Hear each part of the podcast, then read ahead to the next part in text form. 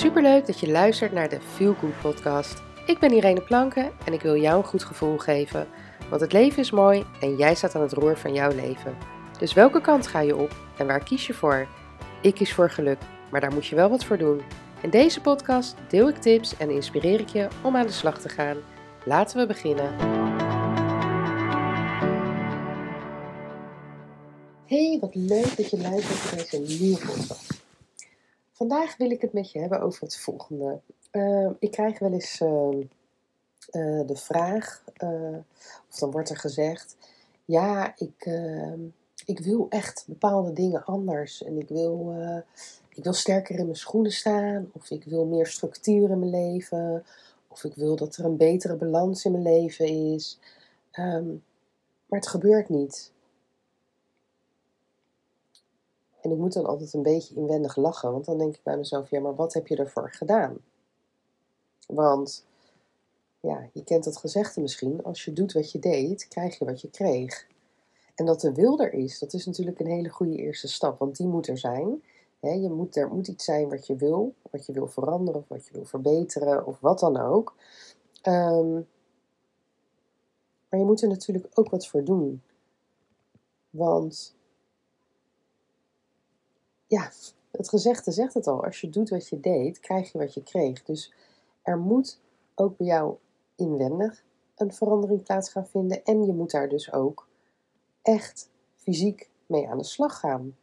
Dus op het moment dat jij meer structuur wil, ja, dan kan je wel denken: ik wil meer structuur in mijn leven. Maar als jij niks doet, gaat die structuur er echt niet komen. Logisch lijkt mij. Ik bedoel, hè, als ik uh, mijn sneakers aandoe en ik denk, nou, mijn veters moeten gestrikt worden, ja, die, die worden natuurlijk niet gestrikt. Ik moet naar voren bukken, ik moet die veters beetpakken en ik ga strikken. En datzelfde is met elke verandering die jij wenst in je leven, daar zal je iets voor moeten doen. En dus is het belangrijk dat inderdaad hè, de wil er is, want als de wil er is, hè, dat noemen ze dan vanuit een intrinsieke motivatie. Hè, een, een, ik zal je een voorbeeld noemen, bijvoorbeeld stoppen met roken.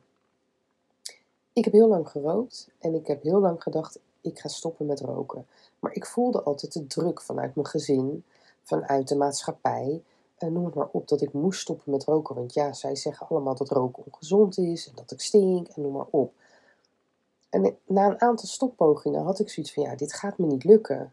Maar dat kwam omdat die motivatie niet vanuit mezelf kwam, maar vanuit externe factoren.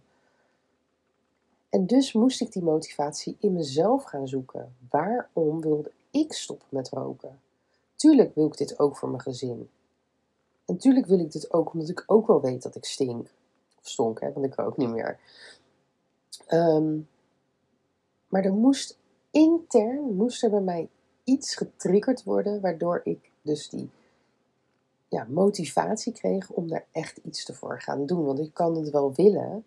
En als het vanuit een externe eh, factor komt, of meerdere externe factoren, dan uh, kan ik dat best wel even volhouden. Maar op een gegeven moment verval je toch weer in oude patronen of uh, doe je toch weer wat je altijd deed, omdat het niet vanuit jezelf komt.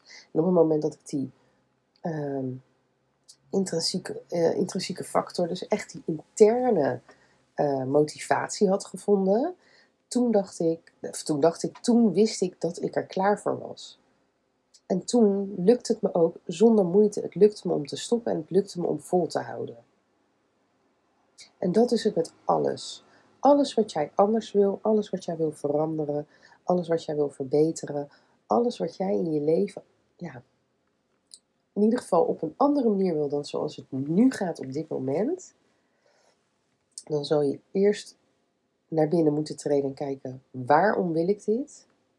Wat wil ik en waarom wil ik dit? En op het moment dat je dat helder hebt voor jezelf, dan is het zaak dat je daar iets mee gaat doen. Want het willen is een goede stap, maar dan ben je er nog niet. Je moet dan echt aan het werk gaan. En dat kan je natuurlijk alleen doen. Dat kan je met, met hulp van je familie, vrienden, kennissen, noem het maar op, collega's als het iets op je werk is. Ehm, dat kan je natuurlijk met hulp van een, uh, van een coach doen. Ehm, en je kan het alleen doen. Ja, het is aan jou uh, om te kijken hoe jij dit gaat doen. En als je merkt dat het je niet alleen lukt, want ditzelfde had ik. Hè, want ik ben dan wel een coach, maar het stoppen met roken, dat lukte mij niet in mijn eentje. Ondanks dat ik die motivatie had, ik had iemand nodig tegen wie ik um, aan kon praten. Of die mij begreep, of noem het maar op. En dus heb ik een stoppen met roken coach uh, in de hand genomen. En is het me gelukt om daarmee te helpen. Want ondanks dat die intrinsieke motivatie er was en ondanks dat de wil groot was, um, had ik een bepaalde faalangst, omdat ik al meerdere keren een stoppoging had gedaan en die was niet gelukt. Dus daar moest ook nog iets mee gedaan worden. En daar had ik die coach voor. Ditzelfde gold voor het afvallen. Ik ben natuurlijk in de coronatijd, hè, als je mijn eerdere podcast en mijn blogs en noem het maar op uh, leest of mij volgt op, op socials, weet je dat ik aardig wat ben aangekomen tijdens de coronatijd. En ik wist dat ik moest afvallen en ik wilde ook afvallen. En de intrinsieke motivatie was er. En ik wist dus gewoon waarom ik het wilde. En uh, uh, ja, dat zat allemaal wel goed.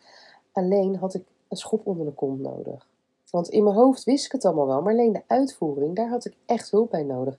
En dus heb ik uh, met behulp van ehm, uh, ja, met uh, een coach ben ik gestopt met roken, geroken, met, met, met, met eten. Nee ik ben niet gestopt met eten. Uh, maar die heeft mij geholpen met het afvallen. Waardoor ik 15 kilo ben afgevallen in een paar maanden tijd. Hè, dus weet ook dat je het gewoon niet, ehm, dat je er niet alleen voor staat. En dat er altijd hulp is. Of dat nou binnen je vrienden kennisclub is, of dat dat uh, bij de huisarts is, of bij een coach, of wie of wat dan ook. Online is er natuurlijk genoeg te vinden. Uh, ja, en dan is, dan is de volgende stap: geef niet op. Als jij echt iets wil, als jij echt iets wil veranderen, als jij verbetering wil, ga ervoor en geef niet op. En laat je door niemand uh, op andere gedachten brengen. Mensen kunnen demotiverend zijn. Maar laat dat niet toe. En daar kan ik wel een volgende podcast over, uh, over gaan opnemen. Over hoe doe je dat dan? Want dat is natuurlijk weer een heel ander verhaal. Uh, maar blijf bij jezelf en blijf onthouden waarom je het wil. En voor wie je het doet. Voor jezelf. Want jij bent de allerbelangrijkste persoon in je leven. En dat moet je altijd onthouden.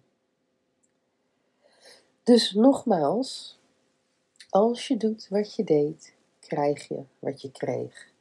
Onthoud die. Schrijf die ergens op. Zet die, noteer die in je telefoon of wat dan ook. En als jij inderdaad verandering wil en daarmee aan de slag gaat, kijk af en toe naar die quote. Als je doet wat je deed, krijg je wat je kreeg. Om te onthouden van oké, ik moet wel zelf die verandering in gang gaan zetten. Want er alleen maar aan denken of het alleen maar willen gaat niet zorgen voor verandering.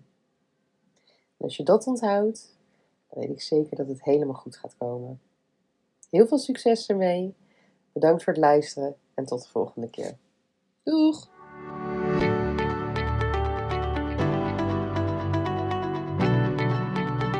Dankjewel voor het luisteren naar de Feel Good podcast. En heb ik je kunnen inspireren?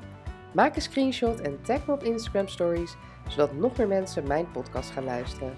En vergeet ook niet de podcast te volgen, zodat je het nooit meer een aflevering mist. Tot de volgende keer. Doeg!